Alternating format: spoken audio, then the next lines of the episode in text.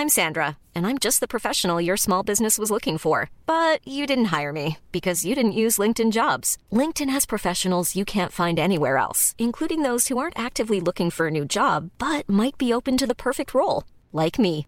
In a given month, over 70% of LinkedIn users don't visit other leading job sites. So if you're not looking on LinkedIn, you'll miss out on great candidates like Sandra. Start hiring professionals like a professional. Post your free job on linkedin.com/people today.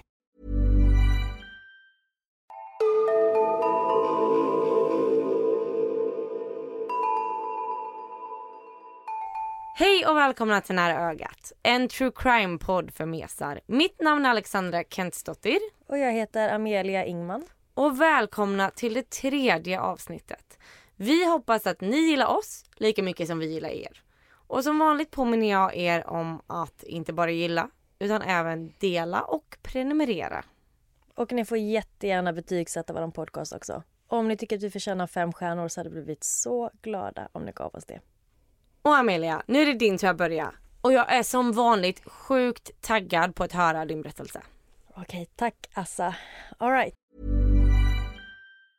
If you thought the only way to get a more defined jawline with natural looking results was through surgery, think again. Juvederm Volux XC is a non surgical injectable gel filler that improves moderate to severe loss of jawline definition and can help you achieve natural looking results with little downtime. Even better, this improved definition lasts up to one year with optimal treatment. No maintenance required. Improve jawline definition for a smooth, sculpted look with Juvederm Volux XC. For important safety information and to find a licensed specialist, visit juvederm.com. That's J U V E D E R M.com. Not for people with severe allergic reactions, allergies to lidocaine, or the proteins used in Juvederm. Common side effects include injection site redness, swelling, pain, tenderness, firmness, lumps, bumps, bruising, discoloration, or itching. There's a risk of unintentional injection into a blood vessel, which can cause vision abnormalities, blindness, stroke, temporary scabs, or scarring. Talk to a licensed specialist to find out if it's right for you. Hey, it's Ryan Reynolds, and I'm here with Keith, co star of my upcoming film, If, only in theaters, May 17th. Do you want to tell people the big news?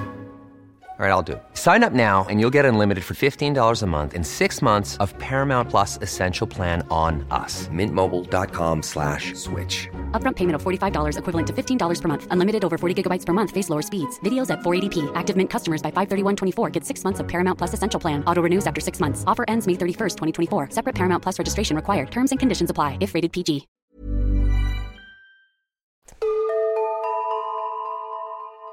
Idag så kommer jag att prata om fem väldigt modiga syskon som alla utsätter sig själva för fara för att kunna rädda livet på deras mamma Rachel Moore från en beväpnad man som bröt sig in i deras hem. Deras pappa Daryl Fields. Jag har fått all information från 60 Minutes Australia där de båda har intervjuat mamman och barnen om vad som hände dem den 11 april 2014. Men innan vi går in på den kvällen så tänkte jag berätta lite bakgrundshistoria. När Daryl och Rachel träffades så beskriver hon att hon blev kär i en väldigt snäll och tålmodig man. Hon säger att de första sju åren av deras förhållande var jättelyckliga. Daryl brukar alltid ta sig tid att lyssna på henne, han stöttade henne och han var en väldigt genuin och fin människa. Men allt förändrades en dag då han från ingenstans blev våldsam mot henne. Och Rachel hade upplevt våld i hemmet i en tidigare relation så hon hade nolltolerans och bestämde sig direkt för att slänga ut Daryl. Hon ville inte att hennes barn skulle behöva se det och hon ville inte att de skulle växa upp i en sån miljö. Så för henne var det inget svårt val att lämna relationen. De två första åren efter separationen så gick allting väldigt bra.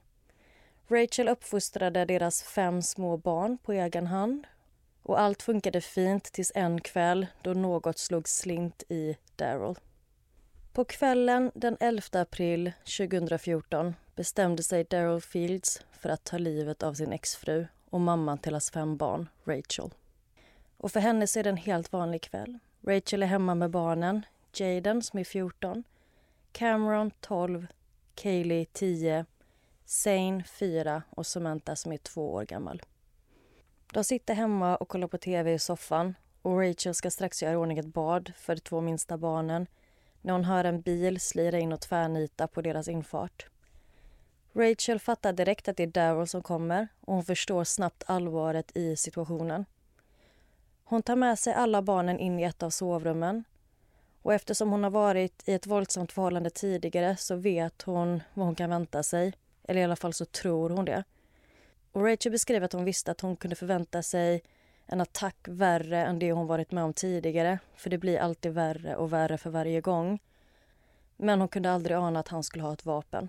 När hon och barnen gömmer sig inne i sovrummet så kan hon höra att han har tagit sig in i huset och barnen beskriver i efterhand hur de hörde hans fotsteg utanför dörren när han gick runt och letade efter dem.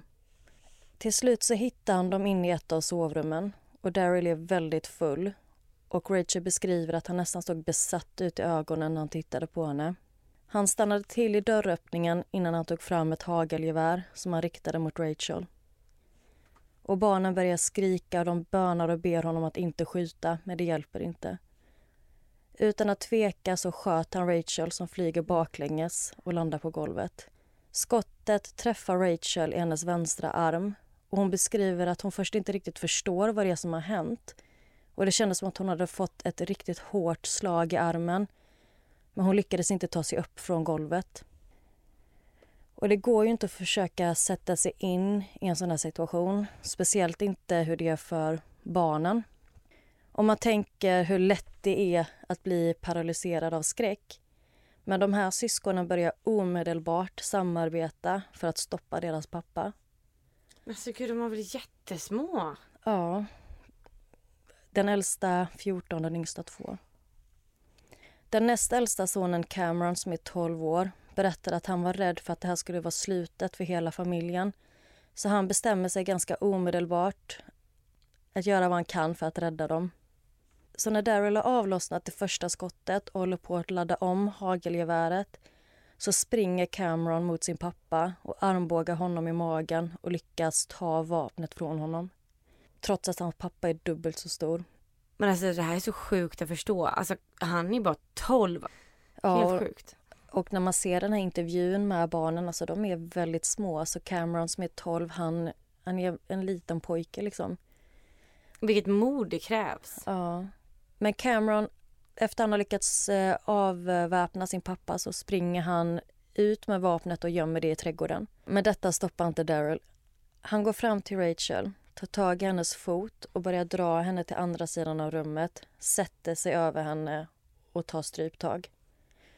Men då agerar Jaden, 14 år, och slänger sig på Daryls rygg och tar stryptag på honom samtidigt som han slår och slår för att få honom att släppa hans mamma. Och då ligger hans mamma där skjuten med hagelgevär. Ja, och hennes arm är ju... Ja, men att få ett, ett skott av ett hagelgevär i... Hon fick det i sin biceps. Så armen var i stort sett borta och hon förlorar väldigt mycket blod. Men samtidigt som detta sker så kommer Cameron inspringandes igen efter att ha gömt vapnet och ser då vad som händer mellan Jaden och hans pappa.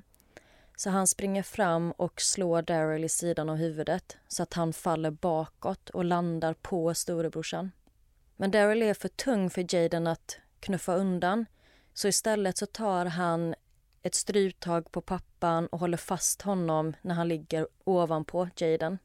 Och mitt uppe i den här kalabaliken så förstår den lilla fyraåriga Zane att han måste skydda sin tvååriga lilla syster. Så han tar Samantha bort från våldet och gömmer henne under sängen. Och under tiden så svävar Rachel in och ut i medvetandet eftersom hon har förlorat så mycket blod. Men hon vaknar till av att hennes tioåriga dotter Kaylee har tagit tag i henne, lyft upp henne och praktiskt taget bär henne ut ur huset och gömmer henne i trädgården. Ja. Hon är tio år. Och trots att hon är så liten så lyckas hon ändå bära ut hennes mamma. Och hon förstår även att hon måste stoppa blödningen från hennes arm. Så Kaylee springer och hämtar bandage och lindar om mammans arm samtidigt som hon håller henne gömd i trädgården. Och i intervjun efteråt så beskriver Kaylee att hon försökte få hennes mamma så långt bort som möjligt från hennes pappa. För hon tänkte att om pappan kommer efter dem så kommer hennes bröder hinna stoppa honom om de är långt därifrån. Kaylee ringer även till polisen efter hon har lindat om mammans arm och berättar att hennes mamma har blivit skjuten och de behöver ambulans. Men de hon pratar med i telefonen verkar först inte tro på henne så att hon springer med telefonen till hennes äldsta storebror och ber honom förklara för dem att de behöver hjälp. Och De berättar att det känns som en evighet innan hjälpen kommer. Och Det enda de kunde göra under tiden de väntade det var att hoppas att pappan inte skulle ta sig upp igen och hitta Rachel samtidigt som barnen var oroliga för att mamman skulle förblöda. Så Cameron, den näst äldsta sonen, springer fram och tillbaka mellan deras mamma och gatan för att se om polisen kommer och han försöker även hitta någon annan som kan hjälpa dem. Men han vill heller inte lämna mamman för att han vill liksom hålla koll på henne och se till att hon mår bra. Men till slut så kommer polisen och han ropar och han vinkar och när de väl kommer fram så berättar han snabbt vad det är som har hänt. Han säger att hans mamma har blivit skjuten men han har tagit vapnet från gärningsmannen och gömt det under balkongen. Och det är säkert för polisen att gå in. Men trots detta så förklarar polisen att de måste följa vissa säkerhetsåtgärder vilket gör Cameron väldigt frustrerad. För han vill bara att hans mamma ska få hjälp så fort som möjligt. Såklart. Ja. Och polisen började då intervjua Cameron på plats och de lät inte honom gå tillbaka in i huset eller trädgården, vilket han tyckte var väldigt jobbigt. Eh, för han ville bara vara med henne och han ville bara ta hand om henne. Men det han inte visste var att det här skulle vara sista gången på väldigt länge innan han fick träffa henne igen. Och nästa gång de ses är när han besöker henne på sjukhuset. När Rachel kom till sjukhuset kunde de konstatera att hon hade förlorat två tredjedelar av allt blod och det var väldigt nära att hon även skulle förlora hennes vänstra arm. Men tre veckor efter hon blivit skjuten och 15 operationer senare för att kunna rädda hennes arm så utstrålar Rachel sån stor optimism och en positiv syn på livet. Och när läkarna sa till henne att hon kommer ha begränsad rörlighet i handen så menar Rachel själv att hon kommer uppnå så mycket bättre resultat än vad de kan förutspå. Och det är efter de här tre veckorna som barnen får komma och besöka Rachel på sjukhuset. Då ser man lättnaden över att deras mamma har klarat sig och hon beskriver själv att hon först var orolig för att förlora sin arm, för inte på grund av estetiska skäl utan att hon säger att hon var så ledsen över tanken att inte kunna lyfta sina barn och krama om sina barn. Och trots att Rachel återhämtar sig och blir bättre så kämpar både hon och hennes barn med att förstå hur detta kunde hända och varför det hände. Hur kunde deras annars så kärleksfulla pappa utsätta dem för det här? Och Rachel hon försöker hitta anledningar och hon försöker hitta förklaringar och hon menar på att det kan vara ilska, svartsjuka eller alkohol men det går inte att förstå varför han gjorde detta. Och I rätten så erkänner Daryl sig skyldig till mordförsök och döms till 12 års fängelse. Och I intervjun som jag såg så får Rachel frågan var hon tror barnen fick den här kraften ifrån. Och Hon säger att hon inte har någon aning men att de är så mycket modigare än vad hon själv är. Att hon tror inte att hon hade vågat göra samma sak som dem om hon var i deras situation. Och sen får hon även frågan vad hon tror drev dem och då svarar hon deras kärlek till mig. Vilket jag tyckte var väldigt fint. Alltså det var så fint. Men alltså jag, jag fattar inte pappan. Alltså jag, jag, jag kan inte förstå. Nej, det är, så, det är så sjukt. Och Rachel säger med att när Daryl först togs in i huset så önskade hon att barnen inte hade varit där för hon ville inte att de skulle för hon ville liksom inte att de skulle behöva uppleva en sån situation. Men nu tackar hon Gud för att de fanns där och kunde rädda hennes liv. För utan dem hade hon inte klarat sig. Det är hon övertygad om. Men en sak som de här tre äldre syskonen hade gemensamt, eller har gemensamt och som de tror kan ha påverkat deras förmåga att försvara mamman det är att de alla tre är barnskådespelare och har i och med deras skådespelarutbildning fått lära sig kampsport och fight-koreografi. Nej. Och Cameron hade bara två veckor innan haft en sån eh, kurs. Och han menar på att han hade tagit det han hade lärt sig i utbildningen och använt mot pappan. Men gud vad sjukt! Ja. Så man kan se hennes eh, tre äldsta barn i flera olika filmroller. Och de menar på att det är därför de har kvar sin mamma vid livet. För att de är skådisar. Ja.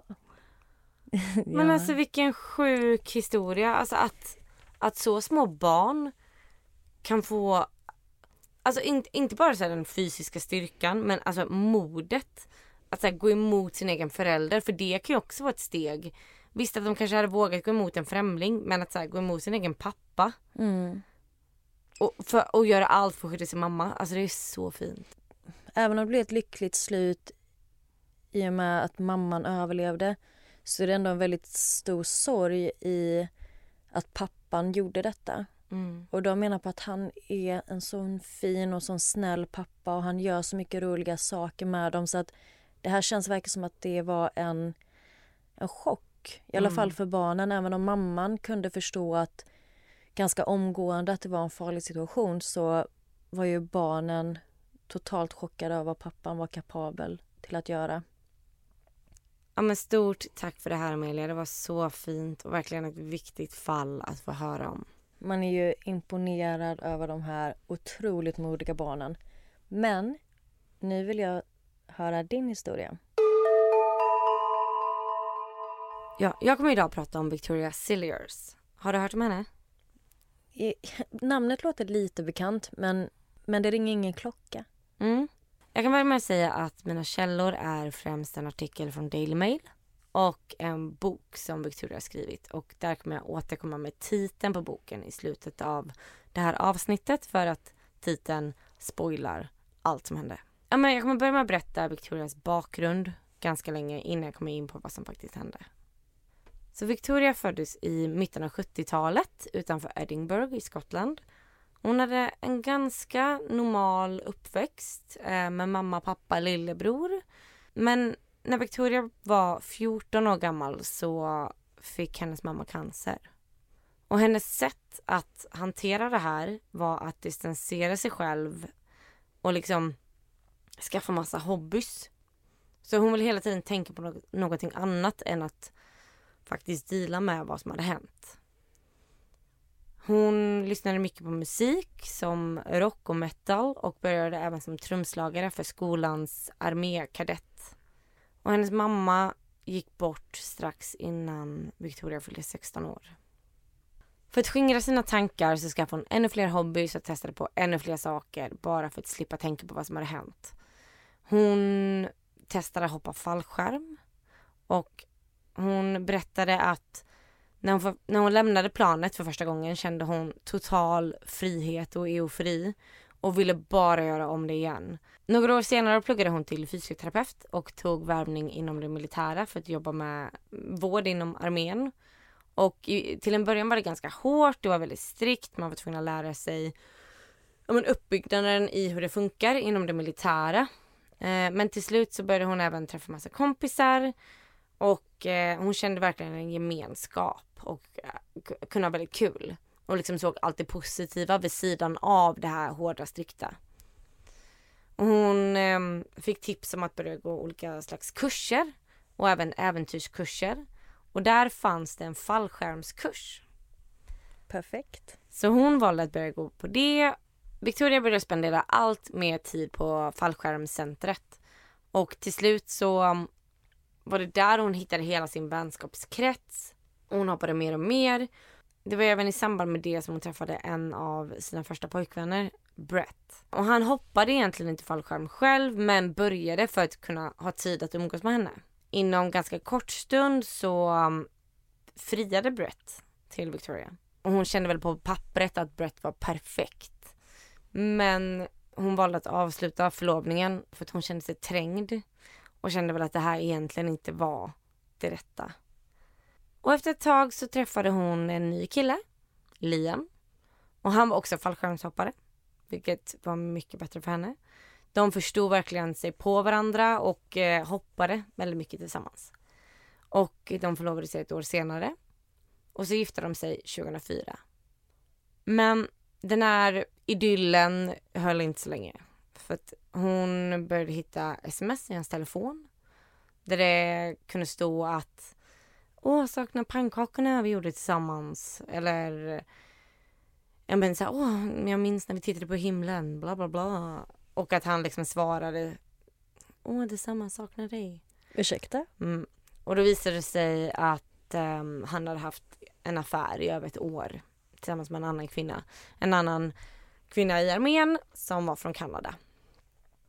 Och efter det hade tagit slut med Liam så var Victoria ganska knäckt. Hon var nu liksom 30 plus och kände väl lite att tiden rann ut. Hon ville ju ändå ha barn och äktenskap och liksom hela den grejen.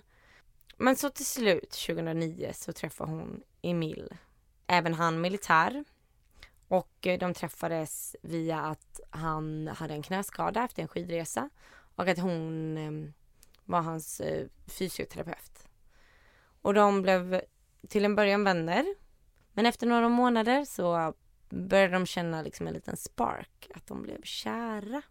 Och Emil är då från Sydafrika från början. Och han berättade ganska tidigt att han hade två barn från ett tidigare äktenskap, men att han var separerad. Emil och eh, Victoria, de klickade så hårt. De var båda superäventyrliga och de var gjorde massa äventyrliga dejter. De alltså var uppe vid så här linbanegrejer i träd och hoppade från klippor. De drack massa vin och bara pratade. Och de var oskiljaktiga.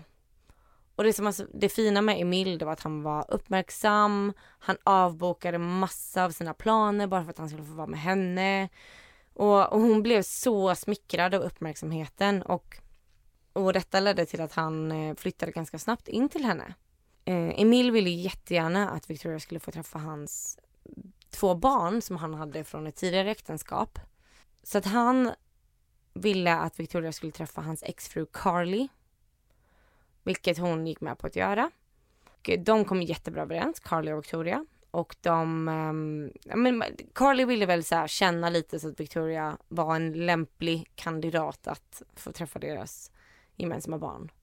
Och när allting hade gått jättebra under deras möte så um, när Carly packar ihop och ska gå så tvekar hon lite och sen säger hon jag tar för givet att du vet om de andra barnen.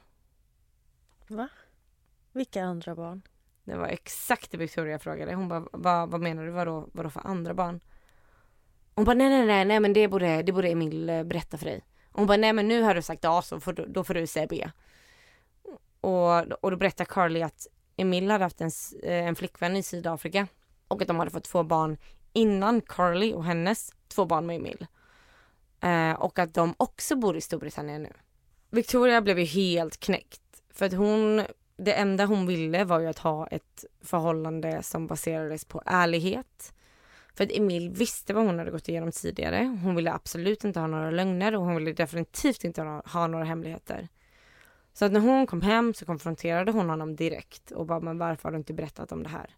Och han grät och um, sa att han hade tänkt att berätta men att liksom han var rädd och att tillfälligheten inte hade kommit upp och det ena med det andra. Även om hon var väldigt sårad så valde hon att förlåta honom men att från och med nu så ville hon ha ett ärligt förhållande och um, och, och Emil menade att han inte, anledningen till varför han inte hade berättat om det här är för att de inte har någon kontakt alls. Att mamman till de här barnen inte tillåter honom att ha kontakt. Så därför så här, vill inte han tänka på dem helt enkelt. Alltså Victoria ville ju ändå ha barn, hon var ju 30 plus. Och det som var så fint var att Emil också ville ha barn med henne. Deras förhållande var ändå väldigt, väldigt fint i början och han, han var supergullig och lämnade massa lappar appar och meddelanden överallt och hon fick så mycket uppmärksamhet av honom. Men sakta men säkert så började hon förstå att han hade ett pengaproblem. Han skyllde väldigt mycket på sin exfru och en av de första gångerna som hon fick reda på, som Victoria fick reda på att det var något lite skevt så fick han reda på att han hade en skuld på 2000 pund. Han menar att det var så här, exfrun hade tagit massa, hon hade betalt massa grejer i deras gemensamma konto och nu står han med skulderna. Så Victoria var så här, hon bara, men jag, jag kan lösa det. eh, jag löser det nu så kan du betala tillbaka. Och eh, han, hon lärde honom att packa fallskärmar. Så att han extrajobbade som fallskärmspackare och till slut så kunde han betala tillbaka pengarna. Och efter han hade betalat tillbaka så var egentligen deras förhållande jättebra. De åkte till Sydafrika, till hans hemland och hälsade på hans familj. Och då friade han. Och strax därefter så um, blev Victoria gravid. Hon var 36 år gammal. Men Emils beteende började sakta förändras. Från den här fantastiska mannen som alltid uppmärksammade henne och alltid liksom satte Victoria i center of attention. Till att han liksom blev lite, lite off. De skulle resa till London för en cricketmatch som Emil ska vara med i. Och precis innan detta händer så får Victoria missfall. Åh oh, nej. Och när de är hos läkaren så är det så här, ja men vill du liksom ta en tablett eller vill du liksom bara låta det gå den naturliga vägen? Och hon bara, nej men vi tar den naturliga vägen.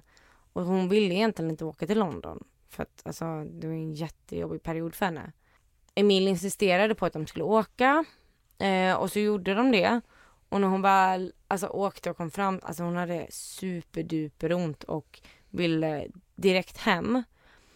Och sen så när de blev visade deras rum så var det inget hotellrum utan det var typ ett vandrarhem där de skulle sova på en madrass på golvet. Och hon hade absolut ingen lust att sova på golvet när hon precis fått missfall och hade extremt ont. Så hon vände sig till Emil och bara, men snälla kan vi åka hem? Och han var såhär, ja men om du vill åka hem så kan du ta nycklarna. Inte okej. Okay. Mm.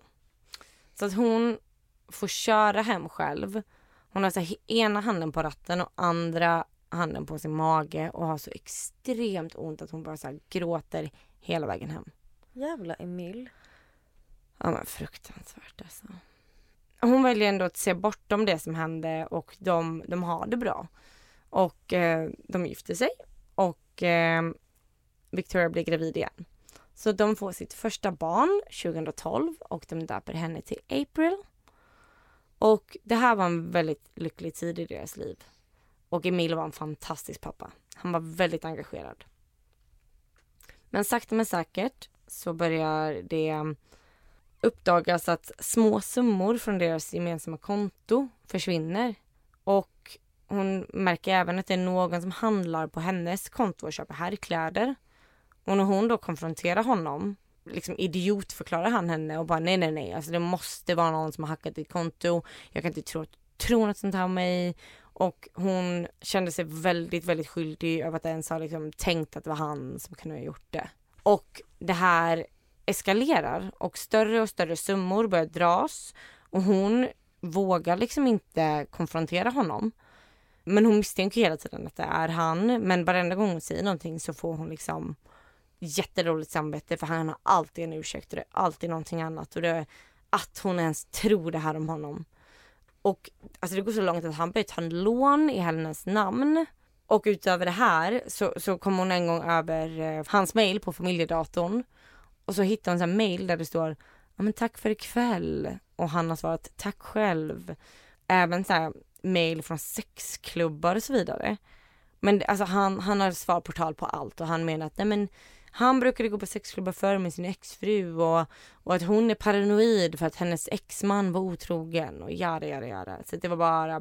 Så mm. skönt manipulativ. Precis. Och han förändrades ännu mer efter en skidresa.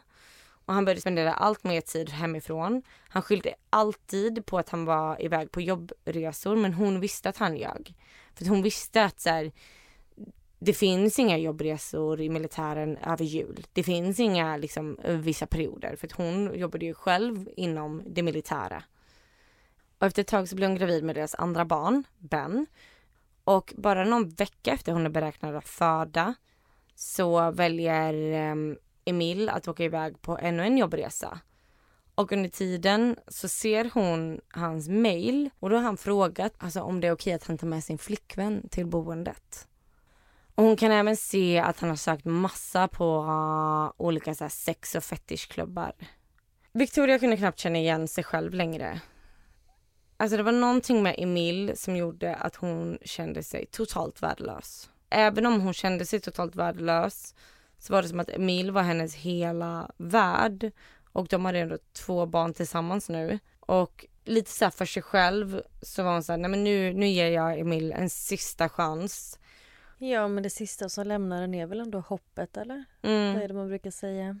Men precis. En dag så eh, skulle Emil sova på militärbasen. Och Victoria gick ner för att skulle göra lite te och sätta igång eh, spisen. Men innan hon satte igång spisen så kände hon så här, men gud det luktar jättekonstigt här. Så hon började kolla runt lite. Och eh, ser på ena gasledningen att det är så blod på. Och hon visste att Emil hade ju skurit sig rejält någon dag innan. Så hon började ändå så här, tänkte väl tanken på, men gud är det, är det hans blod? Ja, men hon ringde då någon om gasläckan. Och så visade det sig att en av bultarna var lösa och att gas hade läckt ut. Och då kom hon på att hon hade läst en artikel om en man som hade försökt döda sin fru på det sättet. Och så skickade hon på skämt till Emil. Are you trying to kill me? LOL. Efter detta så började det ändå bli bättre mellan dem och Emil började bli mer uppmärksam och ville hjälpa till lite mer hemma och med barnen och sådär. Och hon tänkte att han kanske bara haft en dålig period och allt började ändå bli som vanligt igen. Han föreslog till och med att de borde hoppa fallskärm tillsammans och hon blev överlycklig för det var ju det absolut bästa hon visste.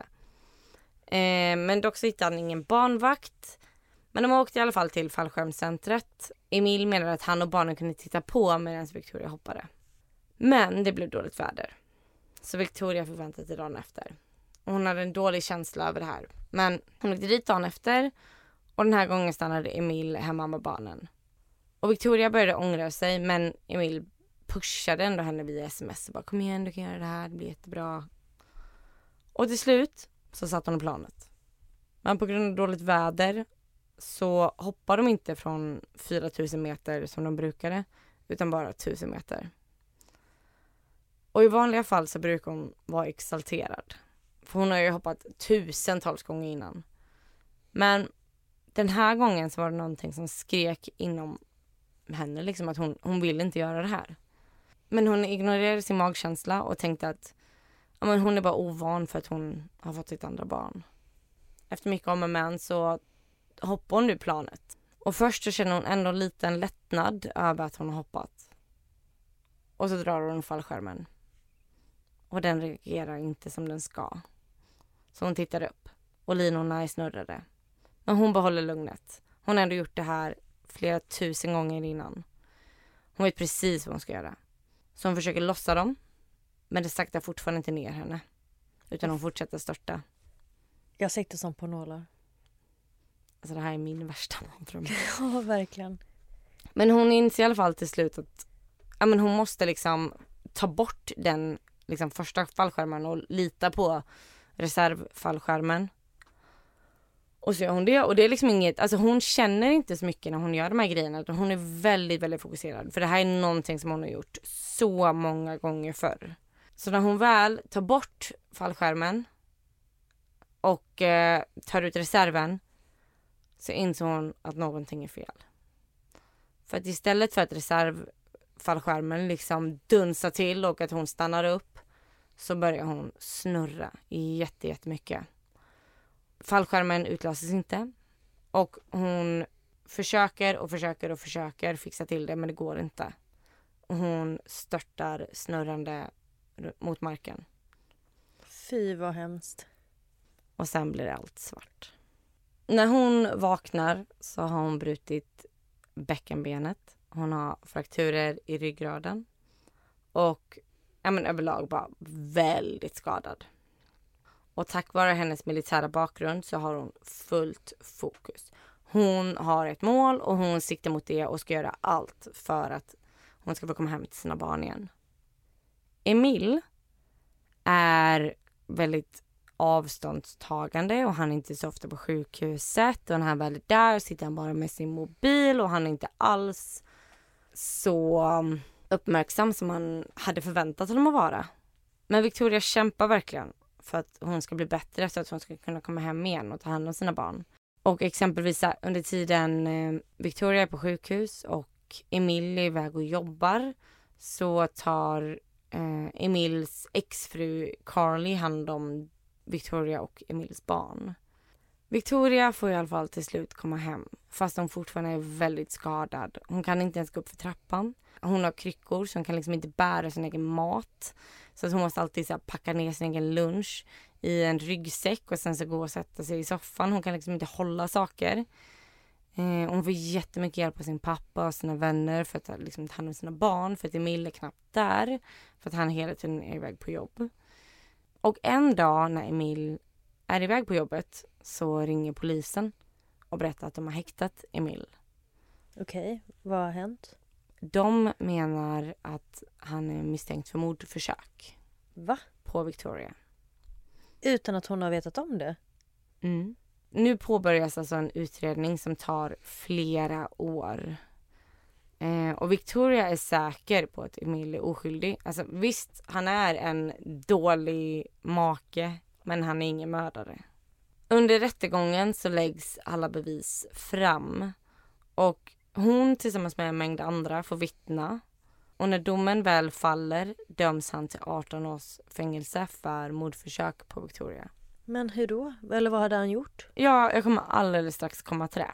Okej. När domslutet läs upp och Victoria får höra allting så börjar hon äntligen så förstå vad det är som har hänt. Hon börjar också så läsa artiklar som rapporterar från domstolen som så här skriver om hennes fall. Och då så förstår hon att Emil har ju inte försökt döda henne en gång utan två. Första gången var ju den gången det läckte gas i deras hem. Och han hade ju då fifflat med den. Och det räknades inte bara som mordförsök på henne men även för barnen som var hemma. Eller att det var vårdslöst på grund av att deras två barn var hemma. Sen så visade det sig att när de skulle hoppa fallskärm tillsammans och de hade varit på fallskärmscentret så hade Emil tagit Victorias fallskärm och sen gått iväg för att hjälpa deras dotter April på toaletten. Och då har han haft tid att fiffla med eh, fallskärmen. Och sen när de kom tillbaka och det visade sig att vädret var dåligt så sa han att istället för att lämna tillbaka den till uthyrningsstället så skulle de låsa in den i ett skåp och detta är egentligen emot reglerna. Men så hade de gjort det bara för liksom vad Victoria trodde var av bekvämlighetsskäl. Men det var ju då förmodligen för att han hade ju fixat fallskärmen. Ja, för honom var det viktigt att hon skulle hoppa med just den fallskärmen. Precis. Men gud vad sjukt att hon inte var medveten om detta samtidigt som liksom det skrivs om det i tidningarna. Alltså även om hon hörde domstolsbeslutet så var hon inte helt säker på att han var skyldig. Det tog ett tag för henne att inse det. Och hon blev så här psykiskt misshandlad under så pass lång tid att hon inte kunde ta den här korrekta informationen till sig. Och Emil hade ju en ny flickvän som han ville börja ett nytt liv med. Och till den här nya flickvännen så sa han att han inte var pappan till deras andra barn utan att Victoria hade varit otrogen. Och han sa också att han ville börja sitt liv med henne och att han inte längre var tillsammans med Victoria. Men det var inte bara den här nya flickvännen han hade hållit på med utan han har också då legat flera gånger med sin exfru Carly. Och Carly då passade ju Victoria och Emils barn under tiden Victoria låg på sjukhus. Och hon hade också då, ja men de hade ju legat tillsammans alltså massa gånger under de här åren. Även när hon, när Victoria var gravid med sina barn. Men hur manipulativ kan den här Emil vara? Alltså det låter Mm. ju helt otroligt. Och han Vilket har- svin. Men alltså ett riktigt ärkesvin alltså. Alltså han hade så mycket pengaproblem. Men han hade ju då tagit typ deras gemensamma pengar eller Victorias pengar för att betala all inclusive resor till sin flickvän som var när, alltså hon var höggravid med deras andra barn.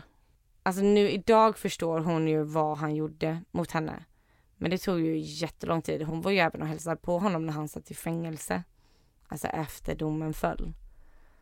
Dels ville hon få reda på så här, men varför? Och då fortsätter han typ att alltså manipulera henne. Så att de hade ju telefonkontakt nästan varje dag ganska länge efter han åkte dit. Men till slut var hon bara så här, hon bara men jag, jag orkar inte, jag vill inte. Så då bröt de. Alltså det, det jag inte har berättat som ni borde läsa i den här boken som Victoria har skrivit. Det är ju hela processen efter han häktades. För det var ju en flera år lång process där nästan Victoria behandlades Alltså hon fick inte resa någonstans, hon fick inte göra någonting. Hon var jagad av media. Eh, så den kan jag verkligen rekommendera att man läser. Men du sa aldrig vad den hette? Den heter I survived, I married a charming man and then he tried to kill me. Okej. Okay. Straight to the point. Jag fattar att du inte ville säga det i början. Riktig spoiler. Jag vill bara säga att idag är Victoria tillsammans med en ny man. Hon tar hand om sina två barn och hon bearbetar fortfarande allt som har hänt henne. Och något som verkligen hjälpte henne var ju att skriva den här boken när hon var tvungen att möta allt som hade hänt henne. Men alltså så stark kvinna. Så otroligt. Överlevt två mordförsök. Mm. Så sjukt. Vi vet ju aldrig om vilka fall vi båda kommer att ta upp.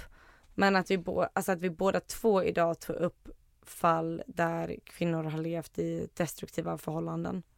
I och med situationen som vi är i nu med corona och karantän och man spenderar mer tid hemma så känns det som att kvinnor är extra utsatta som det är just nu så att vi hoppas att alla ni som lyssnar är i trygga och bra relationer och om inte så hoppas vi att ni kan ta detta som ett tecken på att det är dags för dig att försöka lämna och vi hoppas att du kan vara stark i det och att du har det bra. Ta hand om er så hörs vi igen nästa vecka. Tack så mycket för att ni lyssnade. Puss hej.